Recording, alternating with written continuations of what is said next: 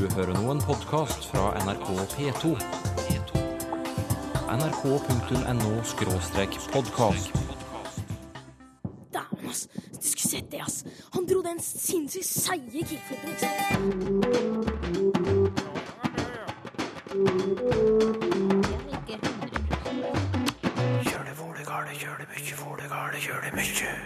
Lytterspørsmål fra begynnelse til slutt. Det blir det i Språkteigen denne gangen også. Aller først har jeg ringt opp Åsmund Eikenes i Oslo. Hei. Hei, hei. Du lurer på noe som har med hender å gjøre. Forklar. Ja, jeg, jeg lurer på hva som er grunnen til at det er så mange ord og uttrykk i talespråket vårt som handler om hender. Mm, har du eh, noen eksempler? Eh, ja, det er de ordene som begynner med hender, som er håndfast og håndlag og håndtere. Og så er det alle de uttrykkene som eh, der hendene er metaforer for ting. Å gå hånd i hånd, eller tommelfi- tommelfingerregel, eller klåfingre, eller hånd i hanske, og sånne typer ord. Ja. Hvorfor, hvorfor skjer det? Du, jeg har med meg språkviterne Toril Oppsal og Sylfes Lomheim her. De skal svare på, ja, annet på spørsmålet ditt, da. Altså hvorfor hender er med i så mange ord og uttrykk i språket vårt. Vær så god, folkens. Jau, det kan jeg mener jeg svarer veldig kort på. Tenk på at hendene våre, handa, er så bokstavelig talt nær for oss i alle sammenhenger at det er opplagt at det blir laga masse uttrykk der handa er med. Så derfor har du, Åsmund, sendt oss ei heil liste over ord, og det er egentlig eh, ganske opplagt at det blir slik i språket. At vi rett og slett bare tar tak i det som er nærmest? Ja, det er jo, vi mennesker er jo slik av natur at eh, det som er nær oss, det snakker vi veldig mye om. Så, Ja. Og arm og hand og auga og munn, alle disse orda er, opptrer ofte i språket og i språklige uttrykk. Er ikke du Ja. enig i det? Jo, jo, det det er mange av dem. Ja. Men hadde du, hadde du selv, Åsmund, tenkt ut en forklaring på hvordan dette henger sammen? Eh, Ja, jeg mm, har Jeg lurte på om det også hadde evolusjonære historier. Det handler om hvordan hender er brukt til eh, manipulering av omverdenen rundt oss. I det det moderne mennesket ble utvikla. ja, At det var da hendene måtte, fikk styre utviklingen av talespråket. og det er jo sant fordi at hendene har jo vært vår eh, om ikke vår viktigste, så blant våre viktigste redskaper ifra livsmorgonen vår i Afrika. Så eh, det har du helt rett i. Men du hadde også et annet spørsmål. Jo, eh, et eksempel. Um, Koblinga mellom hender og ei hending. Nettopp. Det er interessant, for det er faktisk en sammenheng mellom når noe skjer, altså ei hending, og ordet hand. Eh, og det er jo rørsle og at noe skjer som eh, er eh, sambandslinja der. Og det er også slik at å være hendig, som betyr å være flink, da er du flink med hendene. Og til og med ordet handel kjem egentlig Ja. fra at du tek den andre i handa, altså når det er en handel, så tek de handlande hverandre i hendene. Da er det en handel. Ikke sant? Er ikke det fint? Den var veldig flott. Og eh, så er det jo slik at eh, etymologien, altså historisk sett, hva betyr egentlig ordet hand? Og det skal skrive seg fra et ord som betyr å fange eller å gripe. Og da passer jo alt veldig bra. Ja, det gjør det. Skal vi høre, eh, om, om Toril Oppsal har noe å legge til? Ja, det blir spennende. Du, eh, dette her eh, syns jeg var spennende å høre på. Eh, at dere to snakka sammen. Eh, og jeg liker denne evolusjonære tanken din, fordi det å bruke hendene på en raffinert måte, det er noe av det som gjør oss så spesifikt menneskelig. Og det samme er jo språkevnen vår. Så for å bruke en av de metaforene du nevnte, de går kanskje hånd i hånd. Ja. Hvordan er det, Åsmund Eikenes? Eh, Syns du at du fikk svar på det du lurte på? Ja, jeg er nøyd. Du er fornøyd? Mm, absolutt. Så bra! Men da, det er jo ikke noe som er bedre enn det.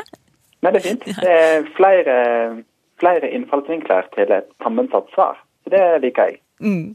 Takk for at du var med i Språkteigen. Takk for meg. Roger Sjursen skriver til oss om noe han mener er en ny bruk av ordet så.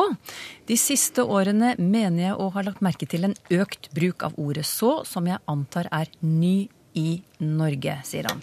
Når noen skal forklare noe, begynner de med så. Et eksempel her. Kan du forklare elektrolyse? Svaret så, hvis man har et batteri, osv. Og, og dette sier han at han har hørt i populærvitenskapelige programmer, gjerne, i NRK f.eks.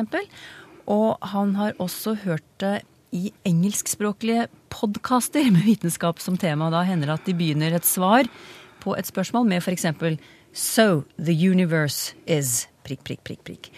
Det lyder ikke helt norsk når vi, når vi bruker så på denne måten, eh, mener han, og han vil vite om det er nytt i Norge. Toril, hva kan du si om dette? Eh, det er eh, norsk. Det er engelsk, det er dansk, det er tysk, og vi kan holde på eh, ganske lenge med denne typen ord som altså, altså, så, so, som nettopp fungerer som et ord som skaper orden og retning og samler tiden her og nå. Eh, dette er, en diskursmarkør. Hva er det for noe? Eh, det er nettopp den type ord og uttrykk som er med på å skape sammenheng og overganger, og gi oss en vei videre i en tekst eller samtale. Eh, kanskje man kan kalle det for en form for overgangsord. Eh, er dette her noe som eh, bringer oss til fokus? Eh, så har forferdelig mange ulike betydninger. Det er et funksjonsord som dekker flere ordklasser. En annen variant som kommer i begynnelsen av setningen, det er denne interjeksjonen. Så! Du sitter her og hører på radio. Men denne litt populærvitenskapelige, akademiske bruken lytteren spør om, den er utbredt, og den er også norsk. Jeg sitter med kjensla av at eh, så i tyinga følgeleg sånn og sånn, er ikke så vanlig å starte med i norsk som på engelsk. For dette var jo et døme der setninga begynte med so, og så utover. Som betydning følgeleg. Altså. Mm.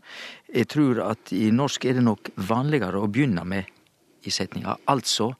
Det er min språkkjensle. Mm. Men bruken av så er jo der også er kanskje ei avkorting for at vi egentlig da tenker altså.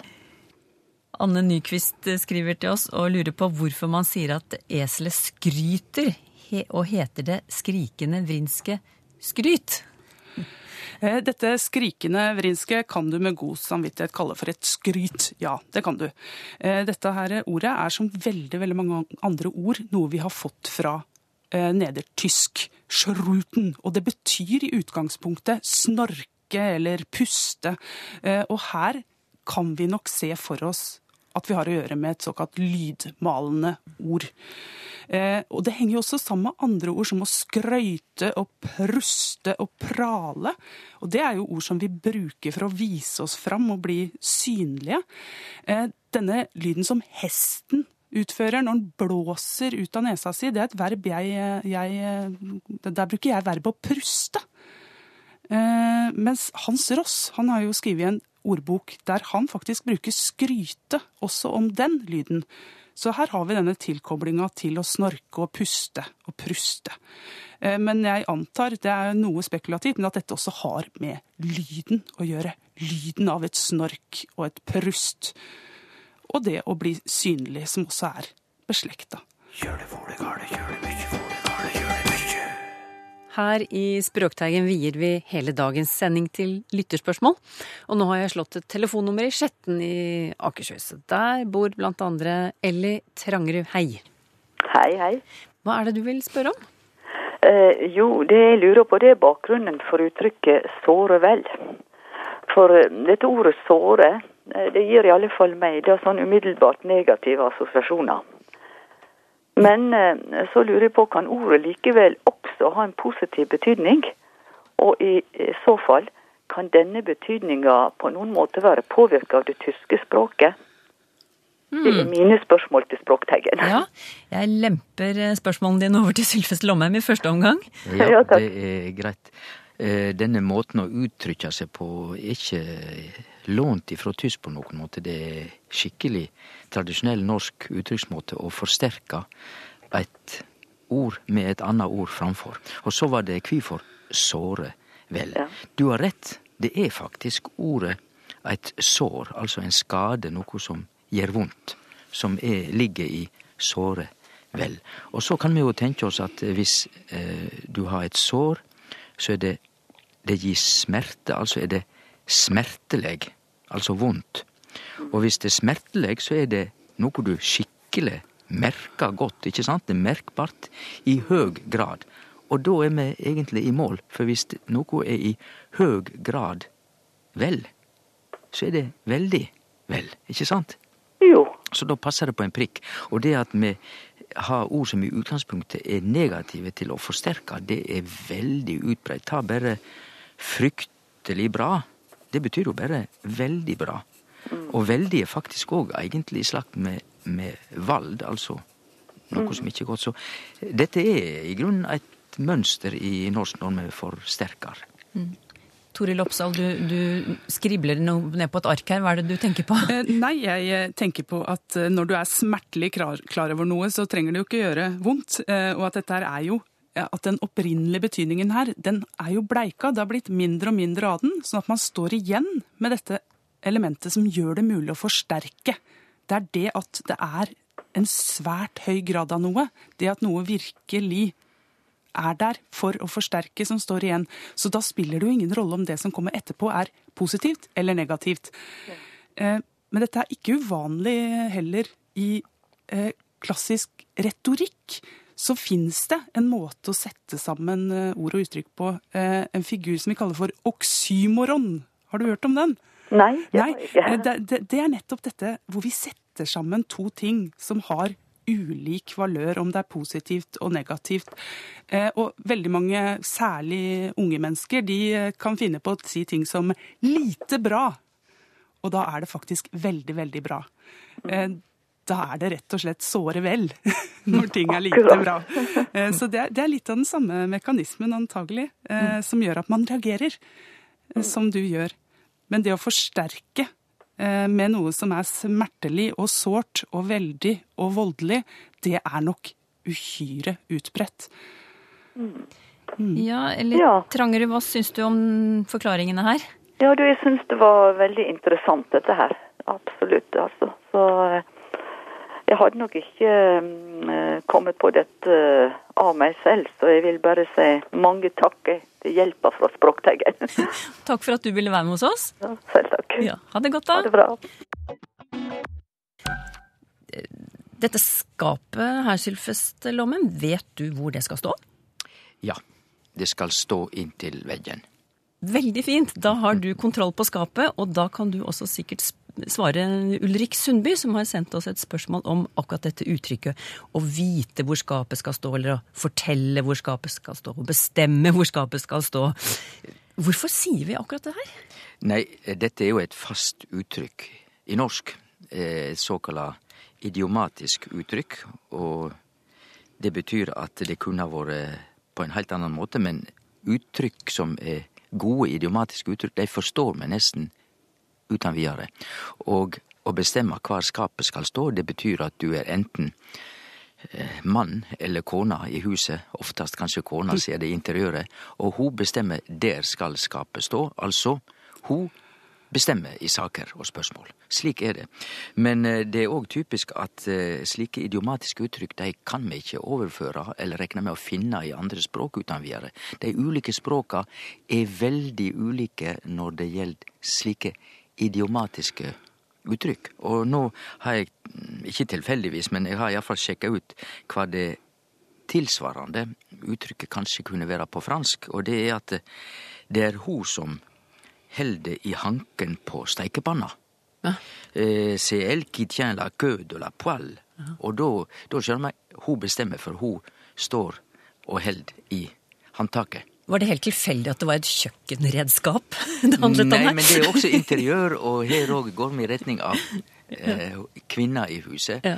Og det er vel også kvinner i huset som oftest bestemmer hvor skapet Ja. skal stå.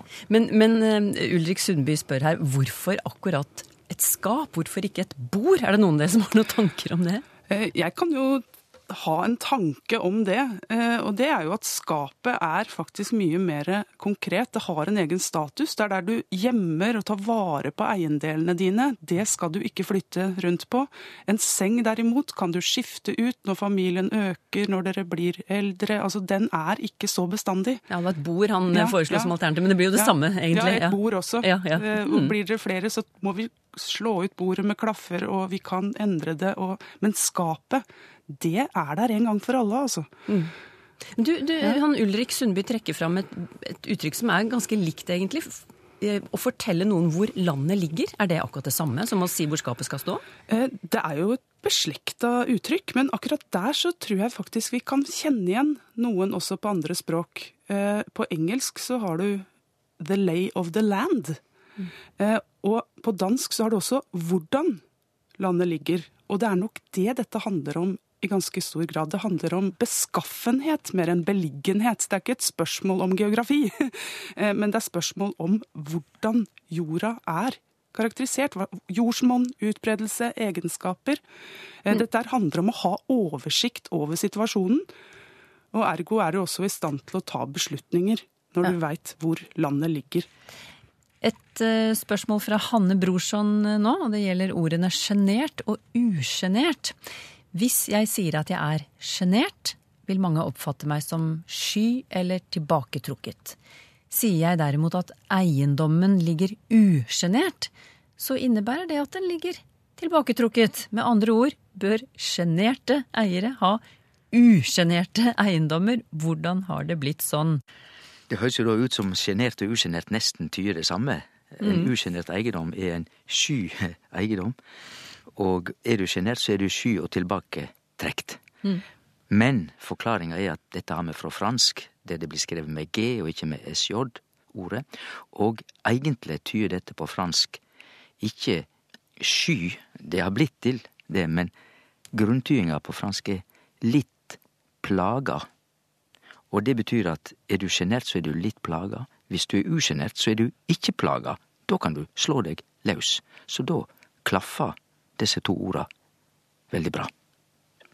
Men heile ordet, dette ordet på norsk, sjenert, som er et så heilt greit og fint og nærmast koselig ord, og også usjenert, det har en vanvittig historie. For vi har det altså fra fransk, der det blir skrevet med G-E-N-E-R, verbet.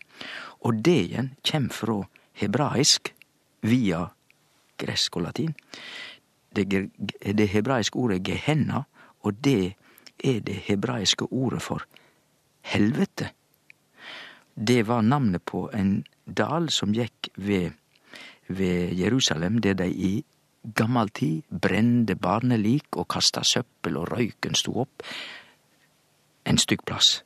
Så det er den lange historia fra den fæle helvetesdalen ved sida av Jerusalem til fransk å være sjenert og plaga, til det mer fine usjenerte og sjenerte på norsk som er blitt veldig dempa og fint.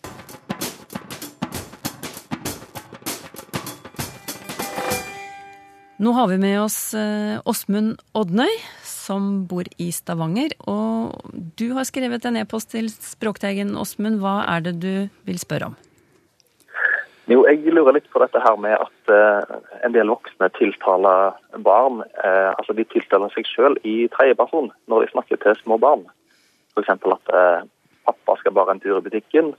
Når det da er Hvis en hadde sagt det til en voksen, ville sagt at jeg skal bare en tur i butikken. Eller mamma er sliten i dag. Når det er jeg som er sliten. Hmm. Eh, Hvor denne, hvor denne språklige tingen kommer fra. Kan jeg bare spørre hvor du har observert eh, denne måten å snakke på? Jeg har vel alltid visst om det, men det ble vel for alvor klart for meg når jeg fikk unger sjøl for en del år siden, at, eh, at en del voksne snakker til dem på den måten. Ja. Gjør du det òg? Nei, det gjør jeg ikke. Jeg syns det, det, det stritter veldig imot å, å gjøre det. Hvorfor? Det er på en måte det, det slår meg som en litt sånn barnslig måte å snakke på. Og jeg vil ta dem mer på alvor ved å si 'jeg'. Ja. Jeg tror det er derfor. Ja. Jeg har aldri gjort det iallfall. Vi kan spørre Toril Oppsal eh, om du har noen forklaring på hvorfor en del, i hvert fall, da, kanskje mange voksne omtaler seg selv i tredjeperson når de snakker til små barn. Ja, vet du hva? Her tror jeg det er, eh, det er i hvert fall to svar. Eh, og det handler om grammatikk, og det handler om kjærlighet. eh, og jeg skal forklare hva jeg mener med det. Eh, det å bruke jeg og du og meg og min, pronomensystemet, det har skiftende referanse. Det vil rett og slett si at jeg er ikke alltid den samme. Av og til er jeg Toril her i Oslo, av og til er jeg Åsmund i Stavanger. Og for å spesifisere og være tydelig for et lite barn, så kan man da bruke denne merkelappen pappa. Eh, og det å kunne skille ordet og tingen fra hverandre, det er en ganske kognitivt krevende oppgave. Det er noe som tar tid å utvikle eh, egenskapen til å skjønne rett og slett det at av og til er jeg jeg, av og til er du jeg, og hvem er nå jeg oppi det hele? Dette er noe man må lære, og som man bruker tid på å lære. Og dette med kjærlighet, det er vel at her ligger det for noen også en form for eh, affektiv dimensjon. Mamma, pappa. Man gjentar den relasjonen man har til barnet. Og dette er også ord barnet lærer veldig tidlig. Det å knytte til seg en omsorgsperson. Så, så det å gjenta og stadig da bekrefte den relasjonen man har mellom seg og barnet, er nok viktig for noen. Ja, hva syns du, Åsmund? Kan du være enig i dette her? Jeg kan jo forstå det, og kanskje når det er snakk om eh, helt små barn, men, men mange gjør jo dette når ungene er blitt eh, både fem, og seks, og sju og åtte år. Eh, og da vet jo ungene veldig godt hvem foreldrene er. Ja, og, og har vel dette apparatet klart med jeg og pappa og mamma. Ja, absolutt. Og dette pronomensystemet, det begynner nok å feste seg ved tre-fire års alder for de fleste. Og det å kunne forstå at tingen eksisterer uavhengig av denne merkelappen, det er noe som, som, eh, som barn som vokser opp med flere språk, faktisk ser ut til å lære litt raskere. Eh, Så eh, sju år høres litt snodig ut. Da, da er det vel kanskje denne affektive dimensjonen som slår inn. At man, man er stolt og glad av å være pappa. Jeg, jeg, jeg har ikke noen bedre forklaring enn det. Men, men, men da reagerer jeg som du. Eh, Da, da, kan nok, da kan nok jeg få lov å, få lov å, bestemme. Mm. Ja. Sylfus Lomheim, har du reflektert over akkurat denne måten å snakke til små barn på? Ja, ikke så mye, men jeg har jo notert det, og da vil jeg bare si et kort to ting. Det ene er at selvsagt er forklaringa at hvis du bare bruker mamma eller pappa, og ikke veksler, så blir det enklere for det vesle barnet å forstå. Det, ble, det er ingen veksling fra situasjon til situasjon. Det er nok forklaringa. så den andre tingen. Du, Åsmund, eh, sier at du snakker slik som du snakker. Heilt rett. Det er ei utbreidd misforståing at voksne skal tilpasse språket sitt til barn. Bare snakk naturlig til barn. Det er ingen fare med det. Det er slik barnet lærer språk. Åsmund, jeg vet ikke, vil du kommentere noe av det som er sagt her utover, utover det du har gjort? Eller? Nei, jeg var godt fornøyd med svarene, jeg. Ja. Ja? Tusen takk for for svar. Jo, Ha, ha, ha det. Ha det. Hans Kjelle forteller at han og noen venner ble plutselig veldig opptatt av hva ordet uhorvelig kunne komme av, og nå vil han ha litt hjelp av oss. Ja, eh, horv. Det er faktisk et substantiv som, som er i bruk, i, kanskje ikke i så stor grad, men, men, men det fins.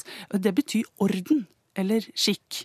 Eh, og horve, verbet horve, det fins også, og det betyr det å føre noe eller gå i en eller annen retning. Å bli eller å lage seg til litt etter hvert.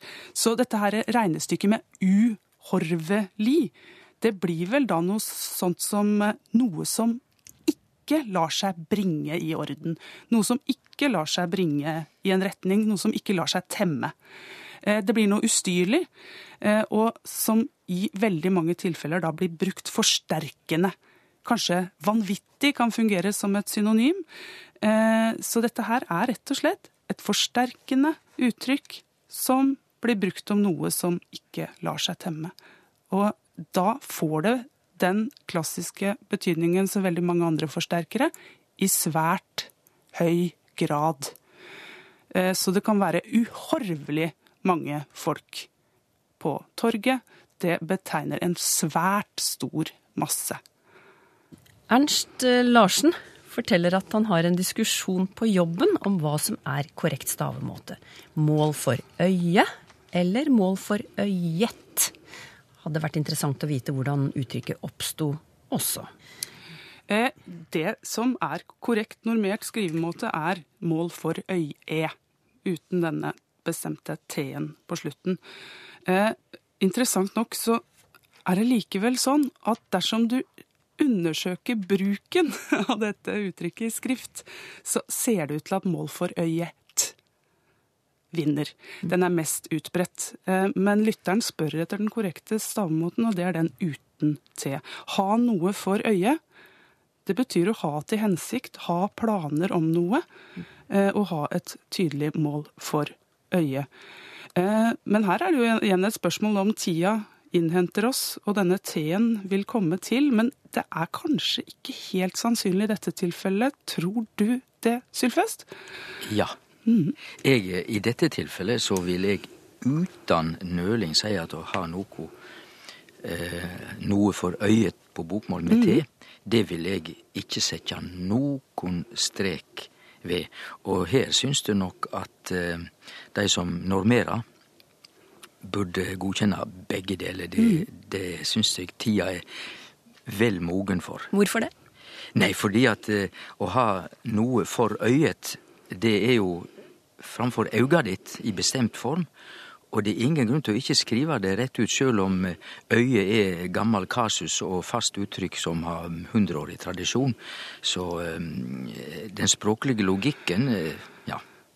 Mm. Men, Så bruken, bruken, har her å si, tatt igjen tradisjonen. Det, det har den. Ja. Men spørsmålet er like fullt i dag så, så syns jeg lytteren skal få lov å vinne den diskusjonen med for øy-e. men, men, hvordan har dette uttrykket oppstått? Nei, det tror jeg ikke er så vanskelig å forklare. Hvis du har noe framfor auga ditt, du ser på det, så, så arbeider du ut ifra det du ser rett framfor deg, målet. Og da betyr det at plan og hensikt, som var de orda Toril brukte, de er opplagde i neste instans. Har du spørsmål til Språkteigen? Skriv til Teigen, krøllalfa nrk.no, eller til Språkteigen, NRK P2, 7005, Trondheim. Så finner du oss også på Twitter og på Facebook.